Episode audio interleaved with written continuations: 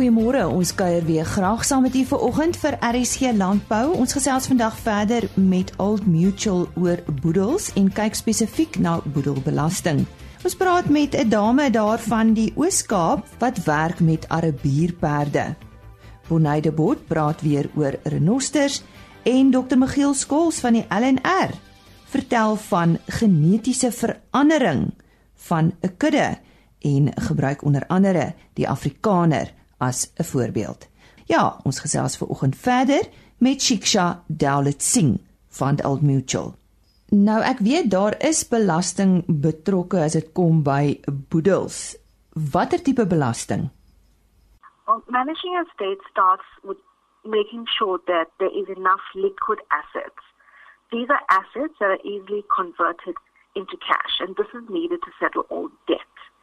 They, sh- they could be fees for your executor, that is the person you have elected to implement your wills.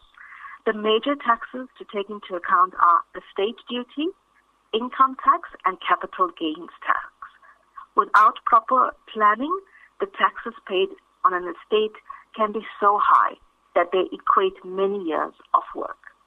A properly structured estate plan will also ensure that your estate has a tax efficient structure that will benefit you during your lifetime and benefit your beneficiaries after you have passed on. Hoe word boedelbelasting bereken?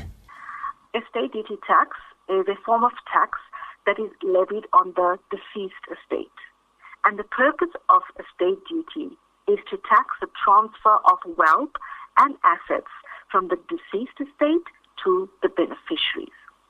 Estate duty is currently calculated at 20% of the dutiable amount, and SARS would also deduct any tax rebates or any amount of estate duty to be recovered from beneficiaries.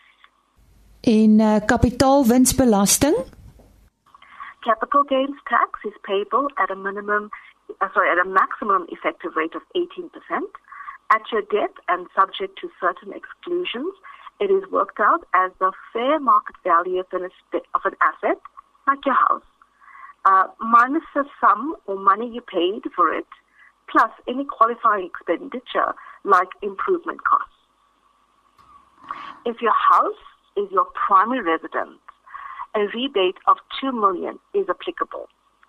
And up to 300,000 of the sum of your total capital gain is excluded from the calculation of capital gains tax upon your debt.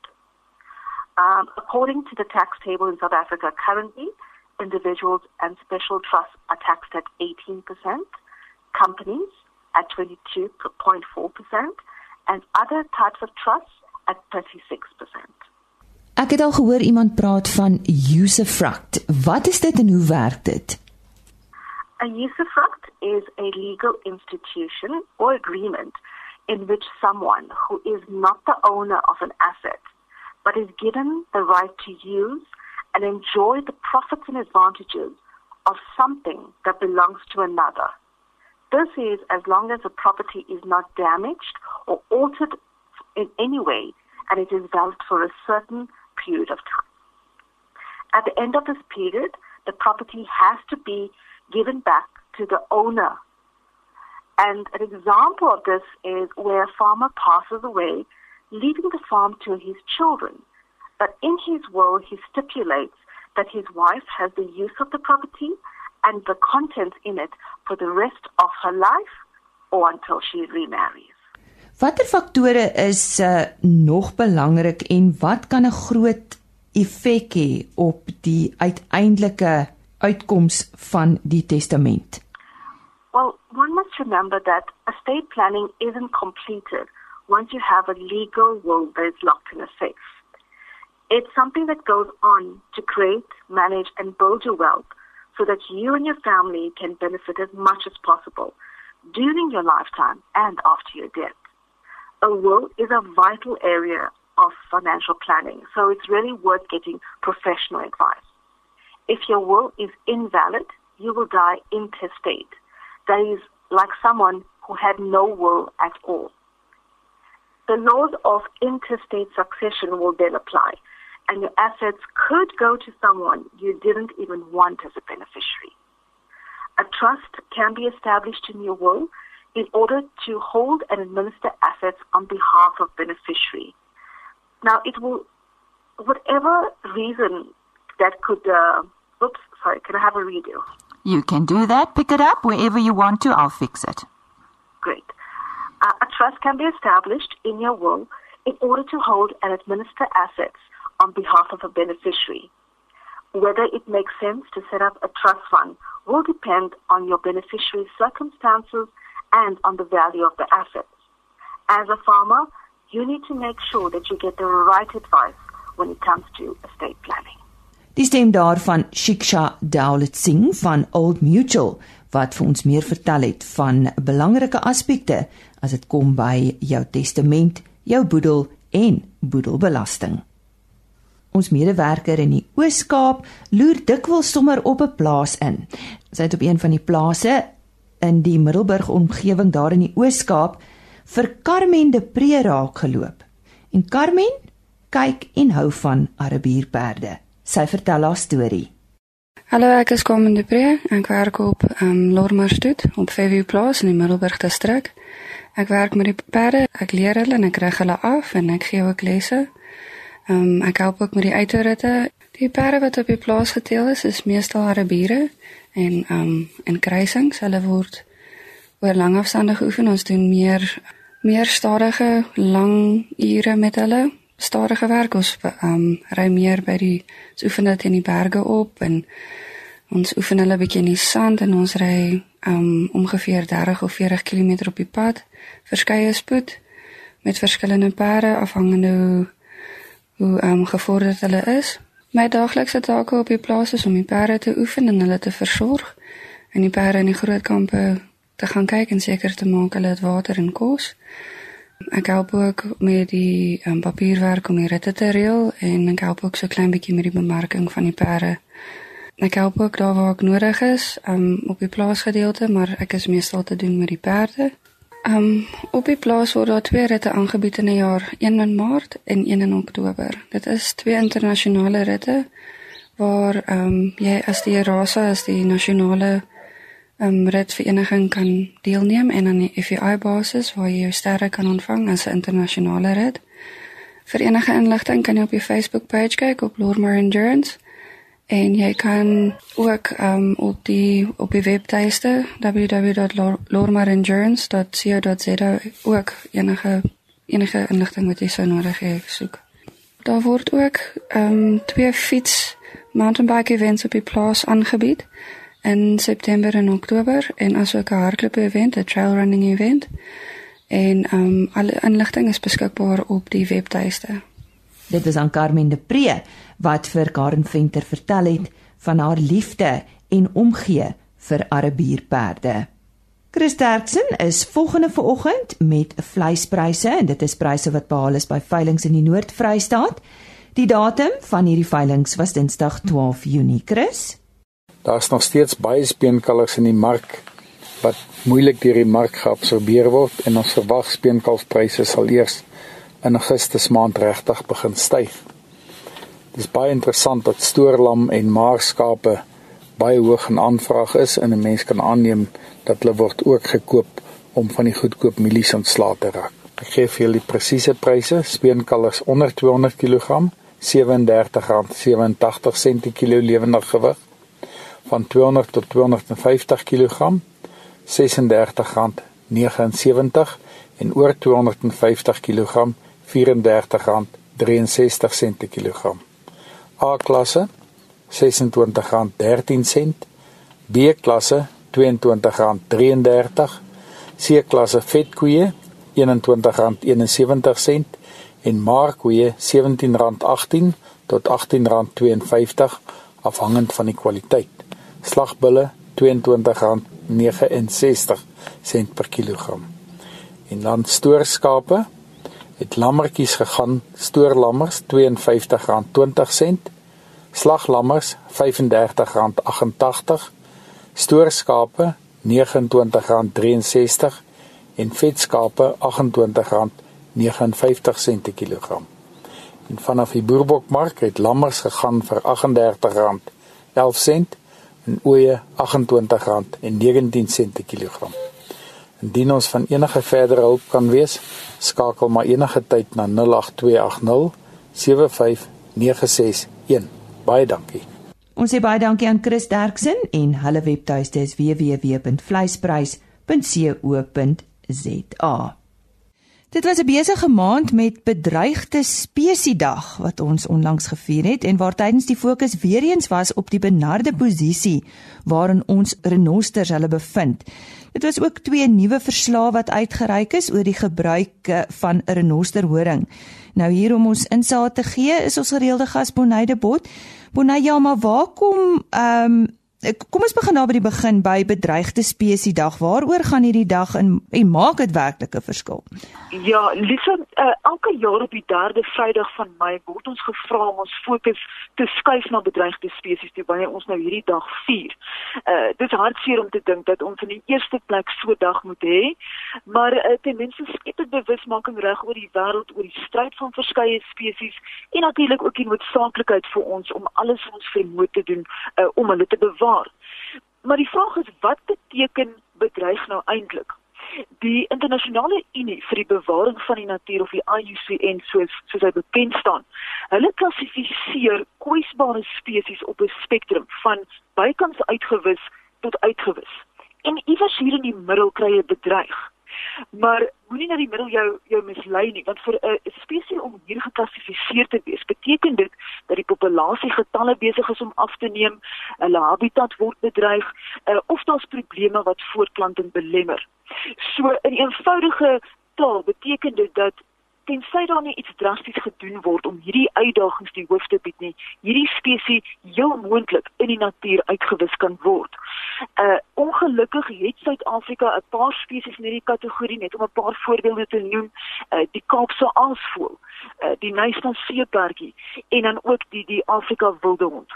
Uh ook natuurlik die die spesies waaroor ons altyd gesels uh, wat homself ook midde in 'n oorlog bevind. En dit is die renoster die suidelike wit renoster en ons swart renoster. Hulle is albei in daardie kategorie Nou ons luisteraars sal dalk onthou toe ons laas met jou gesels het, het jy vir ons daai uh, klankgreep uh, gestuur oor die fyn maling van renosterhoring en dit is nou daar in Asië.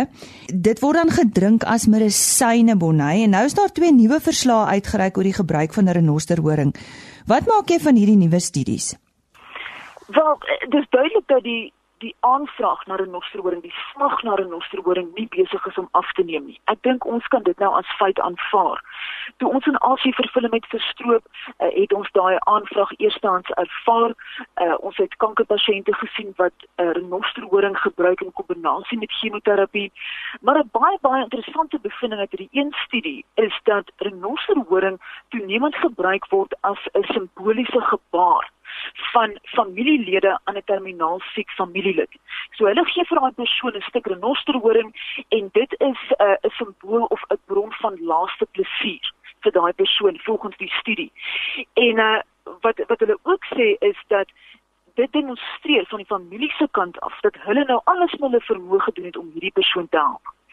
Die tweede interessante bevinding Lisa uit hierdie een studie is dat uh renosterhoring uh, word ook gebruik as natuurlik of word gesien as 'n status simbool. Uh en dit is ook 'n ander studie wat uitgereik is deur Karl Aman.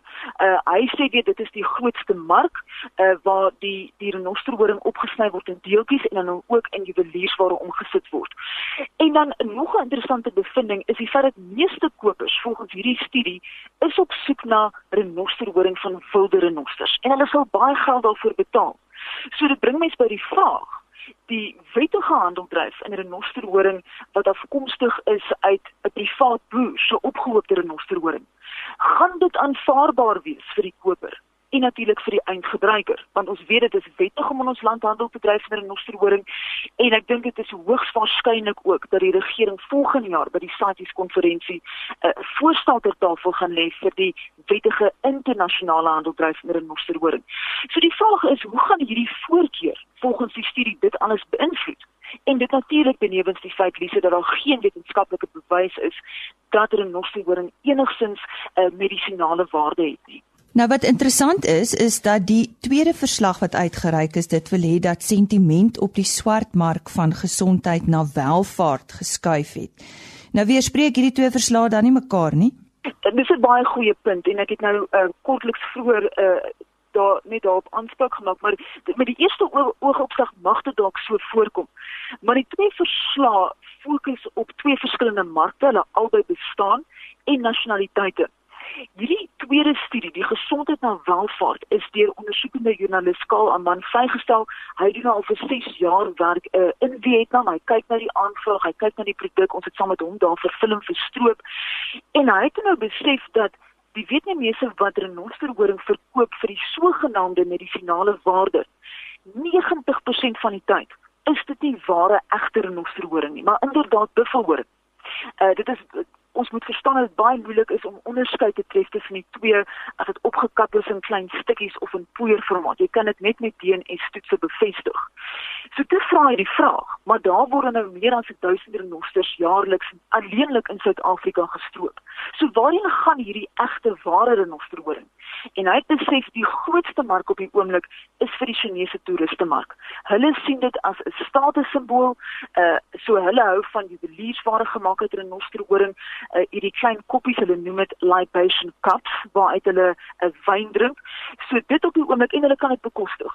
So dit op die oomblik is volgens hom die grootste mark vir vir die aanvraag na renosterhoring. Kom ons kom terug huis toe. Nog 'n deel van die probleem is natuurlik om diegene wat onwettig handel dryf in renosterhoring agter tralies te kry. Nou 'n boer van Limpopo is uh, soos ons weet onlangs uh, gefonnis tot 'n 1 miljoen boete of 10 jaar gevangenisstraf vir 'n nosterstropery. En sosiale media het gegons met verskillende opinies hieroor. Sommige is van mening dat die boete straf genoeg is en ander sê weer dat dit klein geld is. Hoe voel jy Bonnie? Ja, 'n mens moet na die meriete van die saak gaan kyk. Volgens die verslag is sewe renosterkarkasse in 'n koelkamer gevind en ook ander liggaamsdele van renosters. Nou as mens gaan kyk na wat een renosterhoring alleenlik werd is, is is 'n paar honderd duisend dollar op die swartmark. So nee, ek dink nie dit is goed genoeg nie.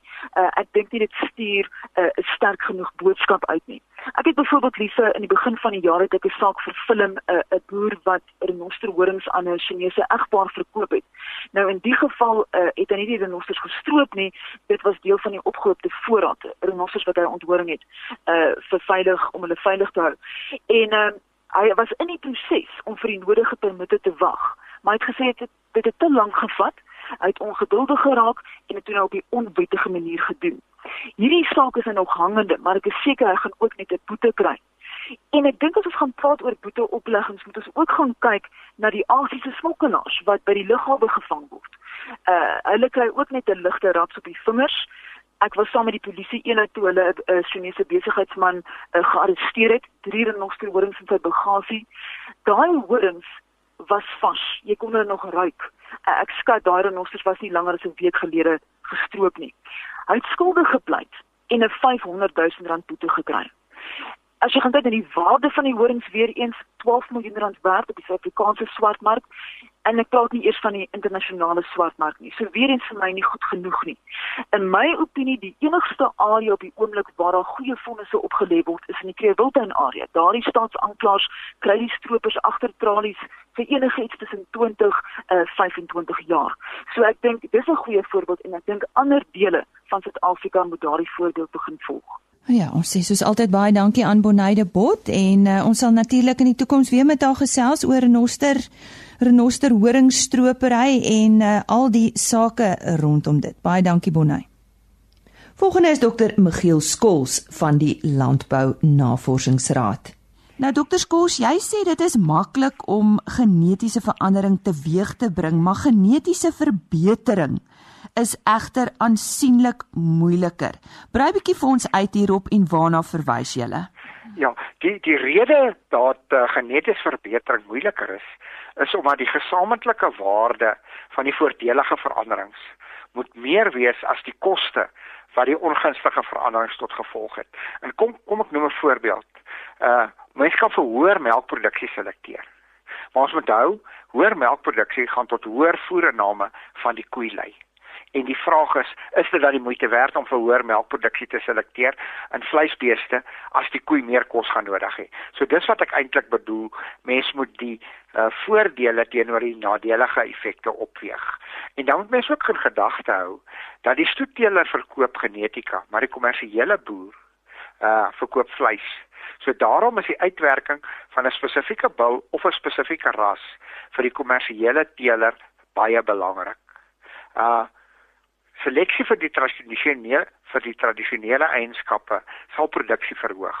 Ons praat nou van groei en gewig en sulke goed. Maar dit gaan nie noodwendig die produktiwiteit of die doeltreffendheid van produksie verhoog nie. En ek dink daarom gee die huidige diensverskaffers so stamboek en breedplan aandag om sekere maatstawwe uh van doeltreffendheid vir hulle uh lede beskikbaar te stel. Ja, nou julle sê daar's 3 eienskappe wat koei doeltreffendheid bepaal. Wat is hierdie 3?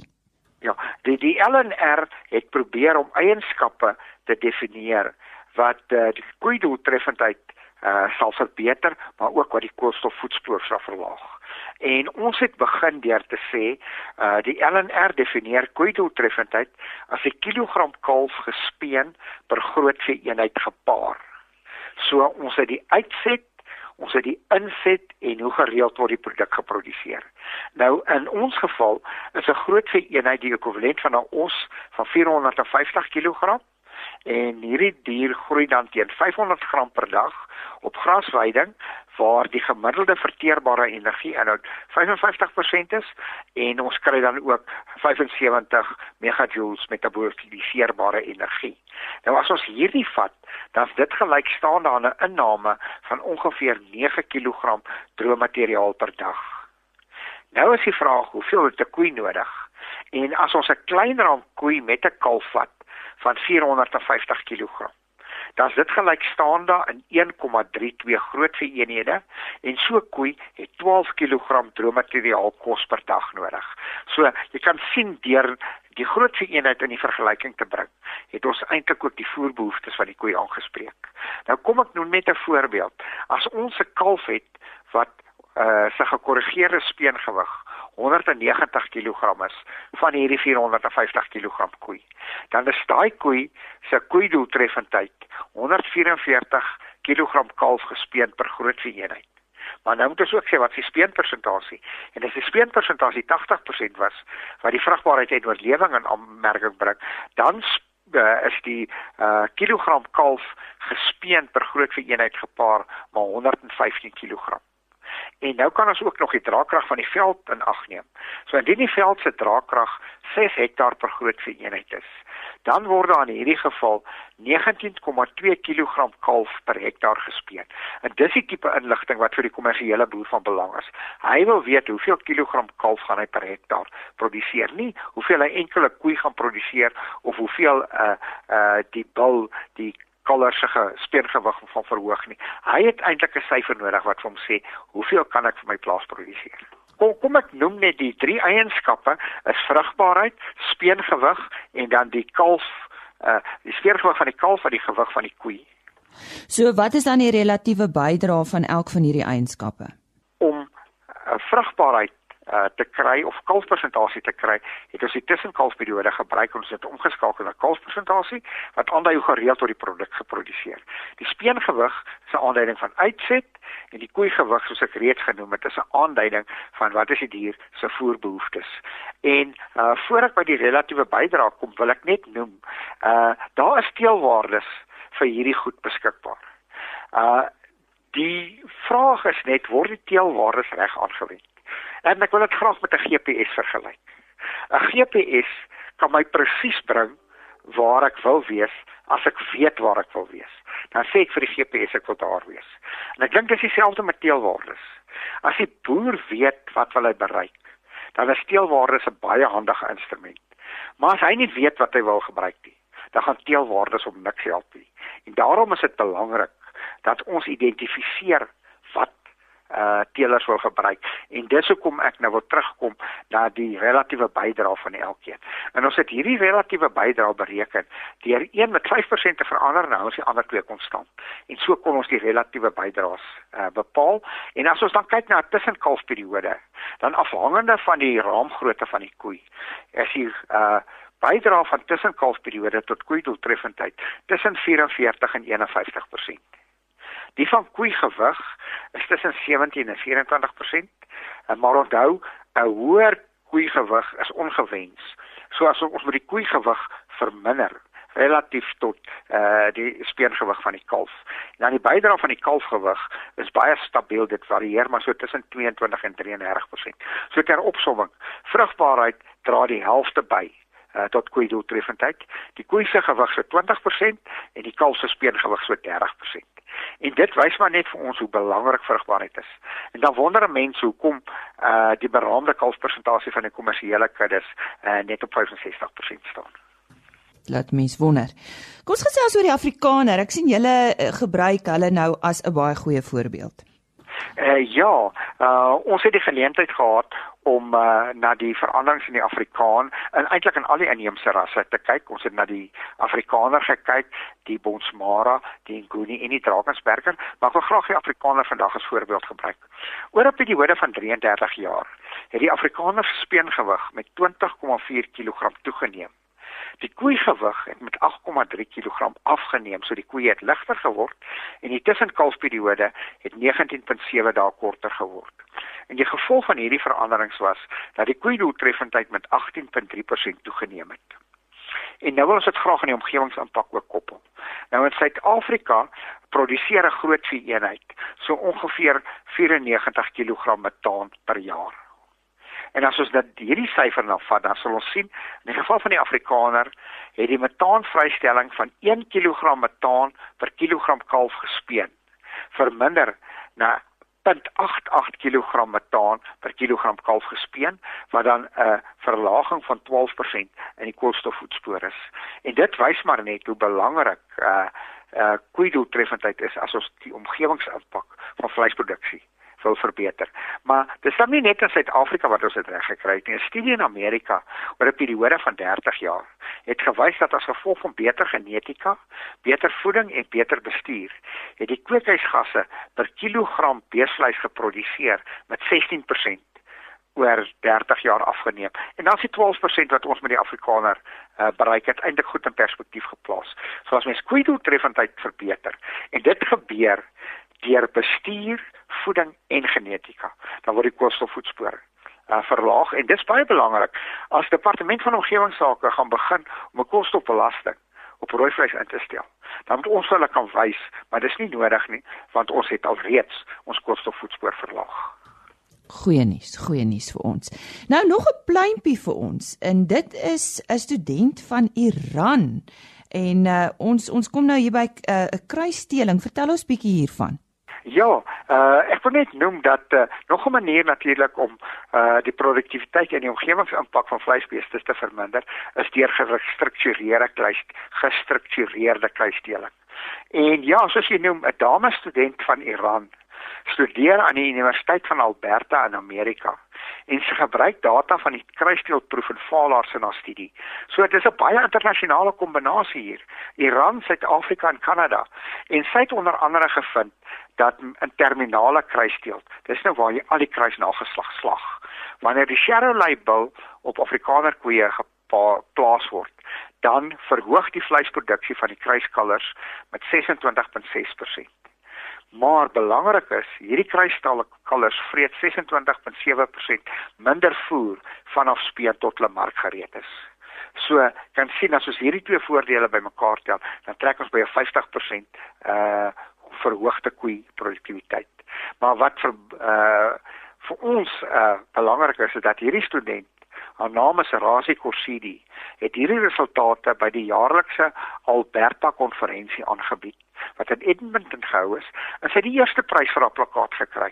Uh dit teenoor al die genomika en al die ander belangrike inligting wat die studente daar aangebied het, het die beoordelaars gedink haar plakkaat verdien die eerste prys en ons is almal trots daarop. Nou ja, ons is trots om Suid-Afrikaans te wees en dit was dan uh, Dr. Michiel Skols.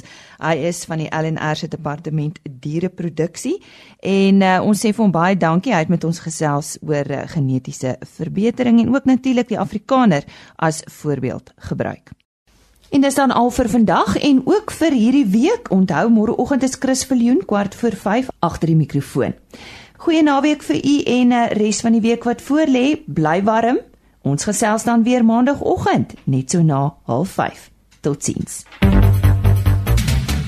RSC Landbou is 'n produksie van Plaas Media. Produksieregisseur Henny Maas. Aanbieding Lisa Roberts. En inhoudskoördineerder Jolandi Root.